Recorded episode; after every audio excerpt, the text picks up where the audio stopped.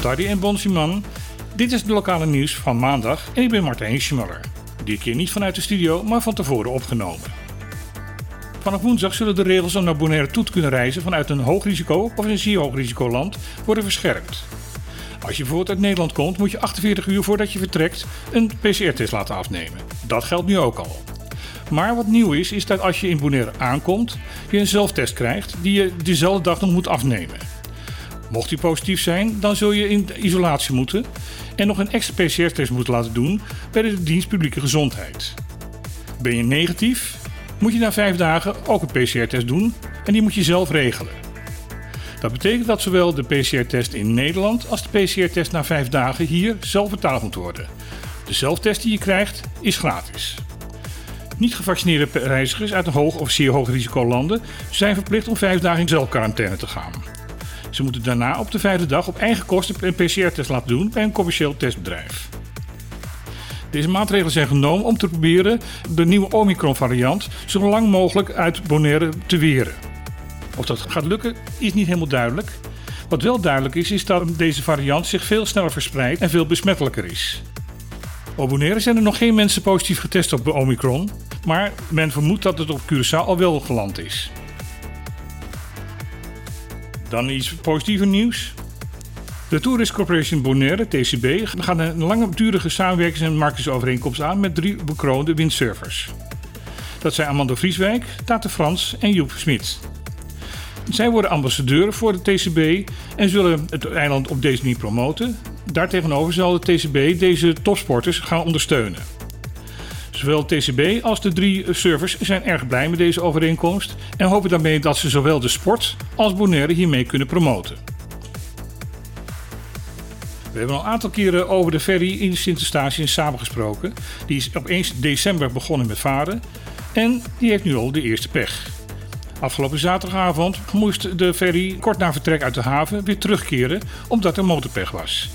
Op social media gaan de verhalen rond dat dit is omdat er een koppeling is stuk gegaan en dat hij daarom dus niet meer op volle snelheid kan varen. De rederij is erg beknopt in zijn berichtgeving. Ze hebben alleen wel verteld dat ook vandaag nog de routes kunnen aangepast worden en dat er vaarten zullen uitvallen. Wat er precies aan de hand is, wordt er niet verteld. We gaan verder met de bovenwindse eilanden. Sint-Eustatius heeft besloten om per 3 januari haar inreisbeleid te versoepelen. Dit is heel vreemd als je ziet van dat wij in Bonaire dus juist de zaak aan het verscherpen zijn. Maar de regeringscommissaris zegt dat dit gewoon om economische redenen zal moeten, omdat het eiland de pandemie gewoon niet meer kan betalen. Bij 1 oktober zijn namelijk alle hulppakketten vanuit Nederlandse ministeries geëindigd en het eiland moet het nu op zichzelf doen. Dat kan alleen maar als de regels versoepeld worden en er meer toeristen naar het eiland kunnen komen. Men is zich heel bewust van dat dit een risico is en dat er mensen ernstig ziek zullen worden en misschien zelfs levens gaan kosten. Daarnaast is de vaccinatiegraad op het eiland erg laag, 40%, dus men neemt een groot risico. Alida Francis, de regeringscommissaris, roept dan ook de hele bevolking op om zich alsnog te laten vaccineren om dat risico in te perken. Nog een berichtje van Statia. Statia probeert zo snel mogelijk van alle autovrakken af te komen. In 2018 werd er geconstateerd dat meer dan 900 autovrakken over het eiland verspreid lagen. In de eerste fase is in dat jaar er al 300 verwijderd, maar er lagen er nog steeds heel veel. Die wrakken zijn afgelopen maand uit de natuur gehaald, gestript en 200 daarvan zijn er nu verscheept naar Sint Maarten. De rest volgt later.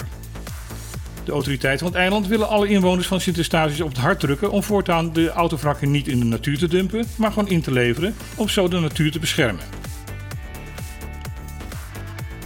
Dan tot slot het weer. De komende dagen ziet er de verwachting uit dat het droog zal blijven, maar zoals wel vaker, de werkelijkheid is een beetje anders dan de theorie. Want de afgelopen uren zijn er een paar plaatselijke stevige buien voorbij gekomen. En met een blik op de radar kan je ook zien dat de komende uren dat risico er nog steeds zal blijven. De wind blijft ondertussen matig, dus ook de golfslag zal niet al te hoog zijn.